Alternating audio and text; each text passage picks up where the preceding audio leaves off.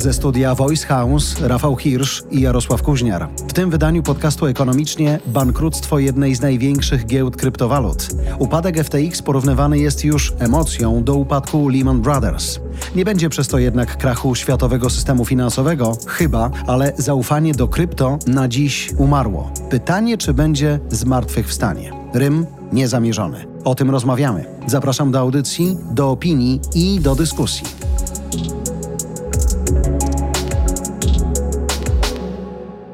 Ty w ogóle zauważyłem, że jak słyszysz nagrywa się, to jesteś o wiele bardziej pokorny. Ja? Mhm. Bardziej skłonny do ryzyka.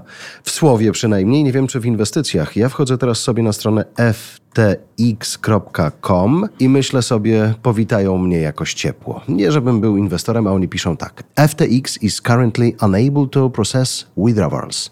We strongly advise against depositing. Deposits of TRX, BTT, JST, SUN and HT are disabled. Disabled. Disabled. Padli na pysk. Myślę, że unavailable również są. No tak to wygląda dzisiaj. I nie wiem, czy to jest koniec. Is, this FTX is no more. Oni tak, ale pytanie, czy to jest koniec krypto jako takiego? A nie, nie, nie, przypuszczam. Po prostu kryzysik. Chociaż widziałem opinię o tym, że ten kryzys jest na tyle poważny, że wycofają się z tego rynku wszyscy więksi instytucjonalni inwestorzy, co faktycznie może oznaczać większe niż zwykle kłopoty, ponieważ generalnie ten rynek kryptowalut rósł przez ostatnie lata. I konkretne kryptowaluty zyskiwały na wartości przede wszystkim dlatego, że tym głównym driverem zawsze było to, że przychodzą duzi inwestorzy instytucjonalni, prawda? Przekonują się. Wcześniej ich nie było, Wcześniej to była jakaś tam zabawa dla jakichś takich nerdów na samym początku mm. i potem ludzi bardziej zorientowanych w tych technologiach. Informatyków można powiedzieć, chyba nie wiem, czy nie upraszczam za bardzo. Za bardzo, ale nie obrażą się. Ale na samym początku, mówię, no, że na aha, samym początku no tak, tak, tak, tak, wyglądało, nie? I potem to się poszerzało, poszerzało i za każdym razem te kryptowaluty dostawały takiego mocniejszego kopa w górę wtedy, kiedy pojawiały się informacje, że albo wchodzą tam jakieś poważne instytucje międzynarodowe, albo jakiś duży bank, bank postanowił odpalić jakieś instrumenty pochodne na blockchaina, albo ktoś coś fajnego powiedział, znaczy na kryptowalutę, na bitcoina, albo ktoś coś fajnego powiedział o samej technologii blockchain, albo giełda w Chicago uruchomiła jakieś kontrakty właśnie. Każdy kolejny sygnał o tym, że kryptowaluty są coraz bardziej tolerowane okay. i coraz bardziej adaptowane do tego Czyli mainstreamu. Uwiarygadniający sygnał. Tak, mm -hmm. dokładnie. Mm -hmm. tak. To powodowało, że one zyskiwały na wartości.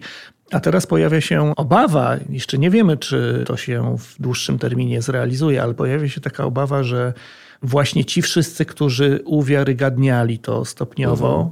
cofną się i powiedzą: O nie, nie, to już jest dla nas za dużo, to jest przesada, tak? Nie bierzemy udziałów w piramidach finansowych i generalnie nie chcemy być na rynku, na którym kradnie się cudze pieniądze, tak mówiąc wprost. Tutaj na tym polega. W tym przypadku tak to, tak to właśnie ten case pięknie z angielska pan Rafał powiedział, bo jak słucham sobie też amerykańskich, angielskich, głównie amerykańskich ludzi z branży inwestycyjnej, z VC i tak dalej, i tak dalej, topowych speców, którzy mają taki podcast All In i tam przez ponad godzinę opowiadali o tym, jak wygląda sytuacja i zaprosili sobie bardzo fajnego gościa, analityka rynku finansowego i on mówi, słuchajcie, no różne rzeczy się dzieją, największym problemem w tej sytuacji jest to, że oni w którymś momencie wzięli pieniądze klientów i nimi próbowali zatkać dziurę. To Ale jest... mi się wydaje, że nie, że to nie jest tak, że oni wzięli pieniądze klientów jakoś tak wyjątkowo, żeby zatkać dziurę.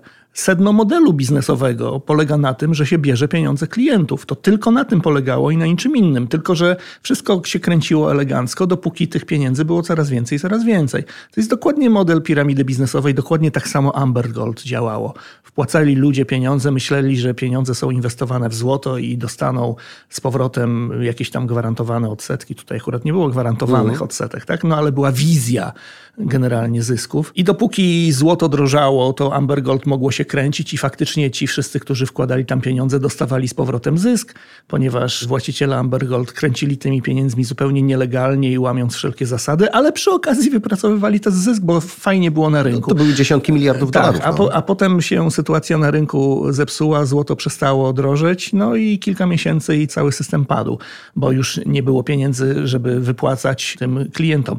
Tutaj jest dość... Przelewarowali? Bo rozumiem, że no, lewar jest Tak, jakimś narzędziem, które jest używane, prawda? I czasami się Znaczy, ten człowiek sy- lewaruje ten- całkiem świadomie. Tutaj doszło do przelewarowania. Z tego, co ja czytałem, bo też trochę, Aha. trochę posłuchałem i poczytałem, bo sam bym też tego nie wiedział, bo to Czyli jest przygotowujemy niesamowicie się jednak do tej audycji czasem. Akurat jeśli chodzi o kryptowaluty, to ja się wolę przygotować, żeby potem mnie nikt nie złapał za, Za- słowo, że jakieś a, za głupoty. słowo, okej. Tak, no nie wiem za co jeszcze. za portfel. I z tego, co czytałem, to sytuacja wygląda tak, że generalnie, jak wiadomo, jak wiesz, świat kryptowalut jest światem zdecentralizowanym i to jest jedna z najważniejszych cech. to Dokładnie właśnie o tak. to chodzi, żeby on był zdecentralizowany. Natomiast w tym świecie zdecentralizowanym, polegającym na tym, że jak masz kryptowaluty, to możesz zawierać transakcje z inną osobą na tym samym rynku bez pośrednictwa trzeciej strony, bez pośrednictwa żadnej izby rozliczeniowej, kogoś, kto ci potwierdzi, że ta transakcja jest zawarta. Bo w normalnym świecie tą trzecią stroną jest bank, tak? Płacisz przelewem albo kartą, no to tak właściwie te pieniądze przechodzą zawsze przez bank i ten bank potwierdza obydwu stronom, że transakcja została zawarta i dopiero wtedy wiesz, że ona została zawarta. Bez tego mógłbyś mieć jakieś tam wątpliwości, tak? Natomiast na rynku kryptowalutowym w blockchainie nie ma w ogóle tej trzeciej strony tego banku, tylko to jest relacja peer-to-peer, to się nazywa, tak? Czyli po prostu są dwie osoby i zamiast tego potwierdzenia z trzeciej strony jest po prostu ta księga, ten łańcuch transakcji, ten chain, właśnie blockchain, dzięki któremu wiemy, że ta transakcja została zawarta, pieniądze zostały przelane. Jest wszystko w porządku. Natomiast potem na tym rynku zaczęły powstawać giełdy kryptowalut, czyli coś, co tak właściwie zaczyna centralizować ten rynek jednak mimo wszystko. Tych giełd jest dużo, one konkurują ze sobą. FTX właśnie był jedną z największych giełd, chociaż nie największą, jedną z największych. I najczęściej te giełdy zakładają ci duzi inwestorzy na tym rynku. Z ich punktu widzenia to jest bardzo logiczne, bo po pierwsze sami nie muszą płacić prowizji wtedy, jak już mają swoją własną giełdę, bo prowizje na tym rynku jednak są dość wysokie. I to jest jeden z większych problemów na tym rynku, wysokość prowizji, prawda? Po drugie, mogą ściągać ludzi, klientów na tą giełdę i od nich pobierać prowizję. Więc to już jest fajny model, jest źródło dochodu, prawda? Natomiast w przypadku FTX-a i w przypadku niektórych innych tego typu instytucji, tam dodatkowo powstawał taki fundusz obok jakby. W przypadku FTX-a to jest Alameda Research, to się nazywa, tak? Czyli to jest taka instytucja, która działa mniej więcej tak jak fundusz inwestycyjny, fundusz hedgingowy, a jednocześnie ta giełda emituje token. Wszystkie giełdy emitują swoje tokeny. To chodzi o to, żeby jak kończysz inwestycje nie wiem, w bitcoina albo w jakiś w dogecoina, wszystko jedno co, to żebyś nie musiał wycofywać tej gotówki z powrotem do dolara, do pieniędzy papierowych, oficjalnych, państwowych, tylko możesz się wycofać do tego tokenu właśnie. I tym tokenem się nie spekuluje, on w założeniu ma mieć stałą wartość. Natomiast chodzi o to, żeby te pieniądze, które już wpłynęły na rynek kryptowalut, żeby tam zostały, żeby ich nie wycofywać, prawda? Co też jest jakby korzystne dla rozwoju tego rynku. Natomiast to wszystko można zniekształcić i FTX robił takie coś, że oni emitują token i mówią ludziom, inwestujcie u nas, ludzie przynoszą pieniądze, i oni wydają te tokeny, tak? Czyli jak jesteś klientem tej giełdy, to swoją wartość możesz rozliczać w tych tokenach. I jednocześnie te tokeny kupuje ten fundusz, który ten sam facet SBF założył, tak?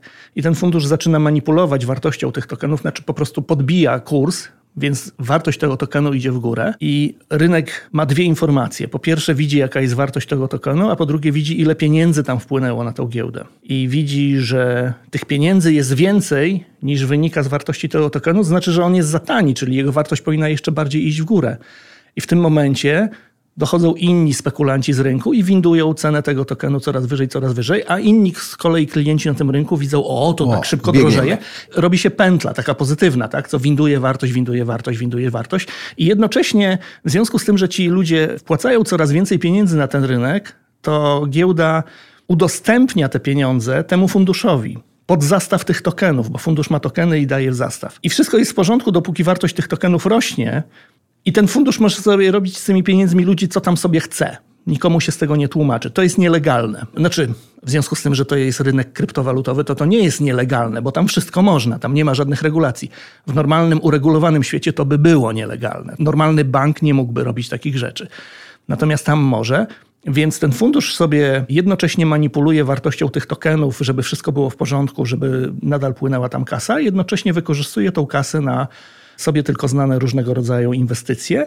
Jeśli inwestycje przynoszą dochód, to ok, wszyscy są obsługiwani, to się kręci. Jeśli nie przynoszą dochodu, to po pewnym czasie zaczyna być problem.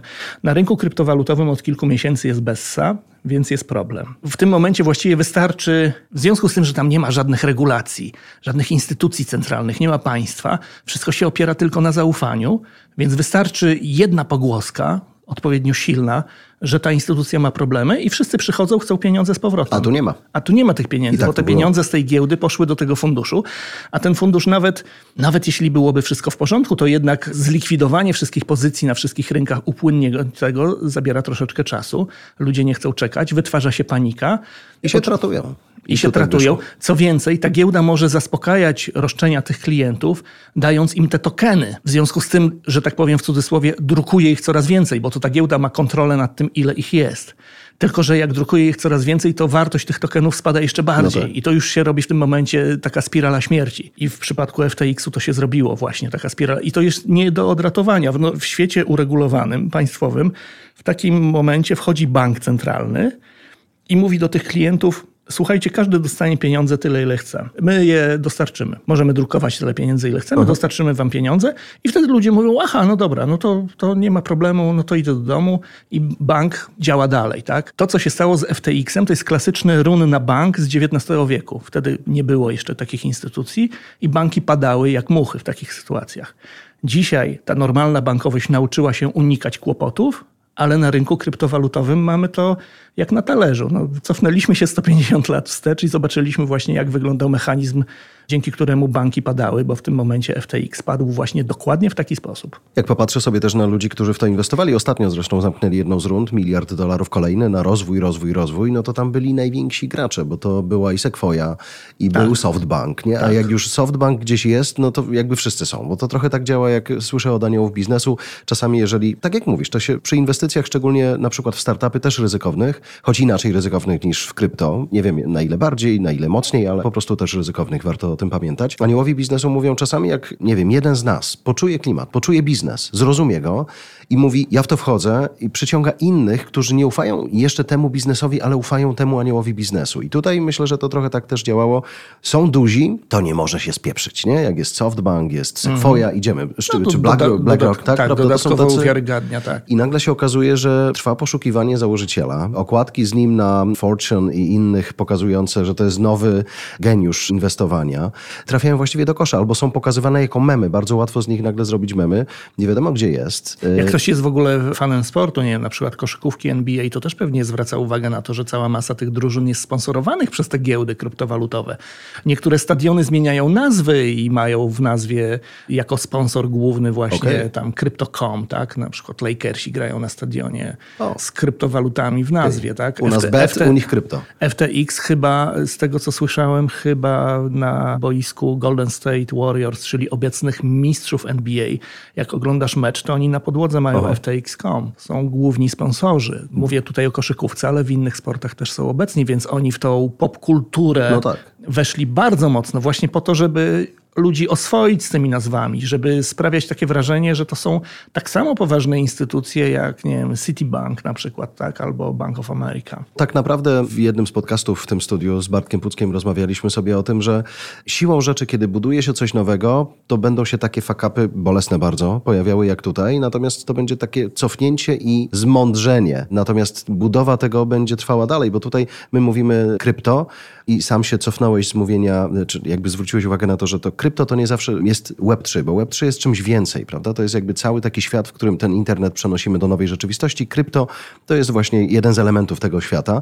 No i tutaj kryzys zaufania jest gigantyczny do tego stopnia, że ci, którzy mówili właśnie najfajniejsze jest to, że tam nie ma regulacji jest peer-to-peer, tak. tak jak mówisz, więc jesteśmy wolni. Możemy robić co chcemy. Nawet chwaliliśmy cały rynek krypto, kiedy wspominaliśmy o Ukrainie, że kiedy dochodzi do czegoś takiego, nagle to krypto może uratować świat, albo może uratować państwo, albo może pozwolić zebrać jakieś pieniądze na, nie wiem, broń.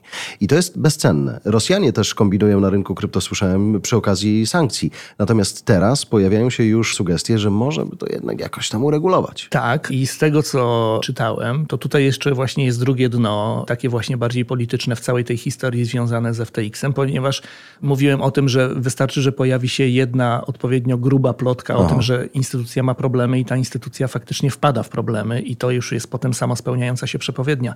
W przypadku FTX-a tą plotkę puścił Binance, czyli największy konkurent FTX-a ten sam Binance, który potem, no tam przez chwilę była mowa o tym, że może ich przejmie, może ich uratuje, potem się wycofał, a teraz puszcza komunikaty z apelami, że trzeba ucywilizować rynek, bo tak być nie może. Ewidentnie tutaj jest taki zły bohater całej tej historii.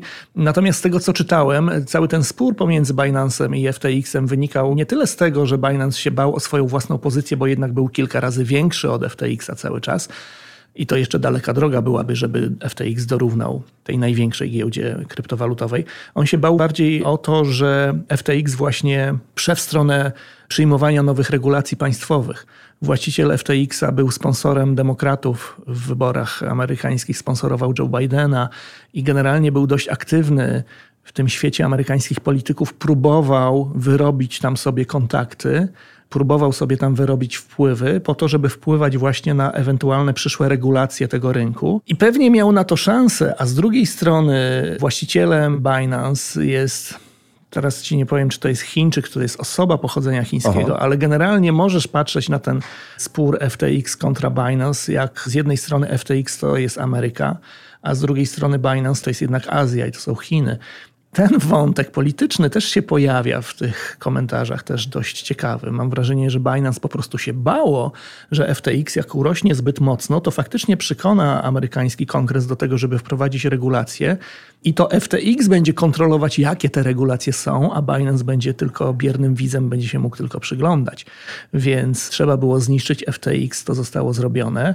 I teraz Binance sam wychodzi ze swoimi własnymi inicjatywami i też mówi o regulacjach, bo pewnie już sobie zdaje sprawę, że pewnie, że w tym momencie one nadejdą, bo to będzie kolejny efekt pewnie tego, co się stało. Za że... bardzo boli to, co się stało, tak, prawda. Tak. I teraz próbuje inicjować tą debatę tak, żeby przeprowadzać te propozycje, które będą właśnie Binance'owi najbardziej leżały. Tak? Więc ten wątek też, on jest taki bardziej sensacyjny, i może mniej ekonomiczny, ale też brzmi interesująco. Dzisiaj w ogóle właśnie jak popatrzymy sobie nawet na to ostatnie spotkanie szefa Chin i szefa Stanów Zjednoczonych przy okazji wylotu w stronę Indonezji, w stronę Bali. Dzisiaj widziałem informację o tym, że Amerykanie Apple przenosi tak. produkcję chipów do Ameryki i tutaj na tym rynku też jest mega mhm. wojna z Chinami. Tak. Ona jest niezwiązana z krypto, chociaż cała technologia na półprzewodnikach i na chipach stoi, ale właśnie to jest bardzo intrygujący moment.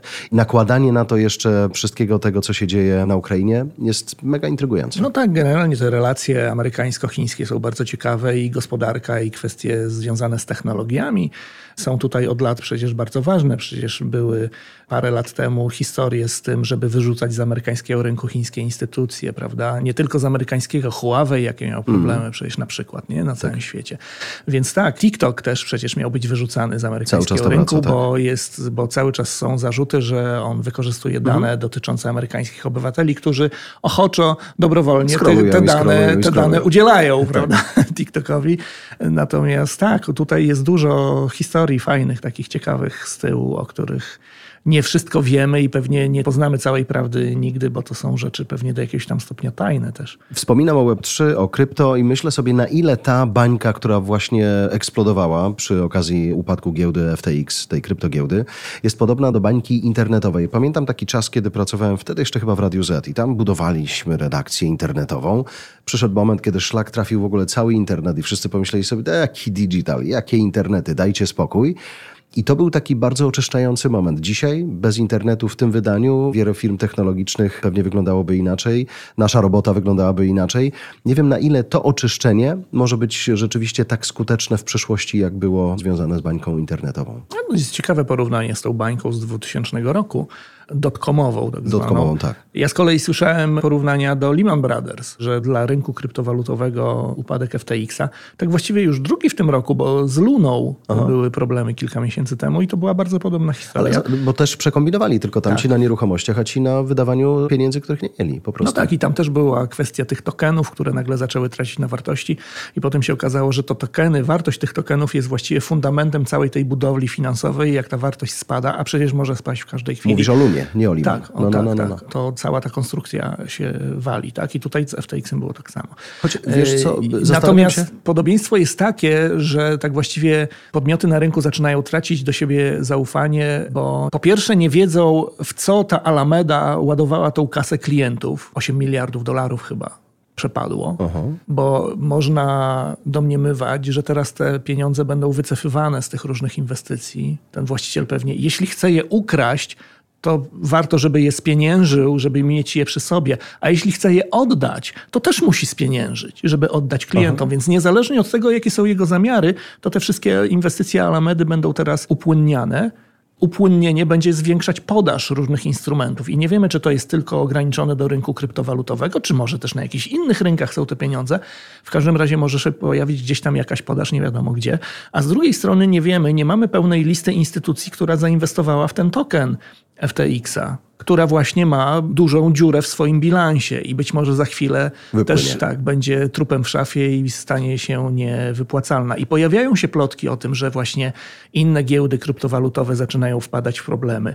Niektóre giełdy to potwierdzają, inne zaprzeczają, ale generalnie wiesz, to zaczyna wyglądać tak nieciekawie i podejrzewam, że potrzeba dwóch, trzech tygodni, żeby to wszystko wypłynęło. I dopiero wtedy się okaże, jak czy to się rozlewa, czy się nie rozlewa. Tak w przypadku Lehman Brothers były dokładnie takie same najpierw podejrzenia i przez 2-3 dni właściwie nic się nie działo i wszyscy mówili, a nie rozlewa się, jest ok. Natomiast to szambo wybuchło mniej więcej 3 tygodnie później dopiero i dopiero wtedy zaczął się krach na rynkach finansowych, bo się okazało, że no kurczę, jednak się rozlewa. tak? Więc tutaj trzeba zaczekać jakiś czas i z drugiej strony chyba JP Morgan czy tam Citigroup napisali analitycy w swoim raporcie, że generalnie FTX jest za mały. Żeby tak trząs Żeby wstrząsnąć rynkiem. całym okay. rynkiem, że to nie, na pewno nie będzie Lehman Brothers, bo to jest za mało jednak. Natomiast w skali samych kryptowalut, tego rynku Aha. i poziomu zaufania nawzajem, to zaufanie na tym rynku jest niezwykle potrzebne, bo tu nie ma żadnych instytucji, tak. więc zaufanie jest wszystkim, co tam jest. Więc jeśli to zaufanie znika, to no to znika. te problemy pozostają. Nie? To prawda. Nawet to, o czym mówisz w kontekście Lehman Brothers, czy tego, co będzie widoczne w tym krajobrazie w momencie, w którym kurz jeszcze nie opadnie, ale będzie opadał przy okazji FTX-a. I tutaj szanownym słuchaczom ekonomicznie od Voice House polecam bardzo fajną serię od Wondery. Business Movers to się nazywa. Nie wiem, czy będziecie musieli zapłacić subskrypcję za to, żeby dotrzeć do tych odcinków, ale to jest czteroodcinkowa seria pokazująca, jak wyglądała sytuacja w Lehman Brothers. Pięknie napisana, świetnie zagrana, świetnie przeczytana i idealnie pokazuje, że to, co Rafał mówi, nie od razu wszystko wiadomo, jakie decyzje wpływały na co, kto jak reagował, jak próbował przedłużyć, jak próbował ratować, ale nie wiem, czy w FTX-ie było tak samo jak tam, że są tacy, którzy wiedzą dokładnie, jaka konsekwencja jest przed nimi. Oni są tymi pierwszymi, którzy już wiedzą, świat jeszcze nie wie. Oni przychodzą, mówią, no tak. to jebnie, po prostu. Tak. I tak się właśnie zdarzyło. W przypadku Limana też było tak, że tam była instytucja, która już miała ich ratować, już mm. się prawie zgodziła i w ostatnim momencie się wycofała. To był Berkeley tak, brytyjski. Tak, tak, tak. I tutaj był Binance z kolei, tak? No. który też już tam miał ratować. No, ale zobaczył, już tam że był jakiś... jest taki, że nie ma sensu. No tak przynajmniej oficjalnie tłumaczy, że syf jest taki, że nie ma sensu, chociaż są tak, też pogłoski, że to właśnie o to chodziło, żeby udupić ten no. FTX właśnie, więc... Zaczynamy brzydko mówić, więc się przejęliśmy tym i chyba musimy kończyć, ale niewykluczone, że FTX albo w ogóle rynek krypto, jak już właśnie będziemy widzieli więcej, wróci w podcaście ekonomicznie. Za dziś bardzo dziękuję. Dziękujemy za Twoją uwagę. Kierownictwo produkcji Dorota Żurkowska. Redakcja Agnieszka Szypielewicz. Dystrybucja Olga Michałowska. Dźwięk Kamil Sołdacki. Redaktor naczelny Voice House Jarosław Kuźniar.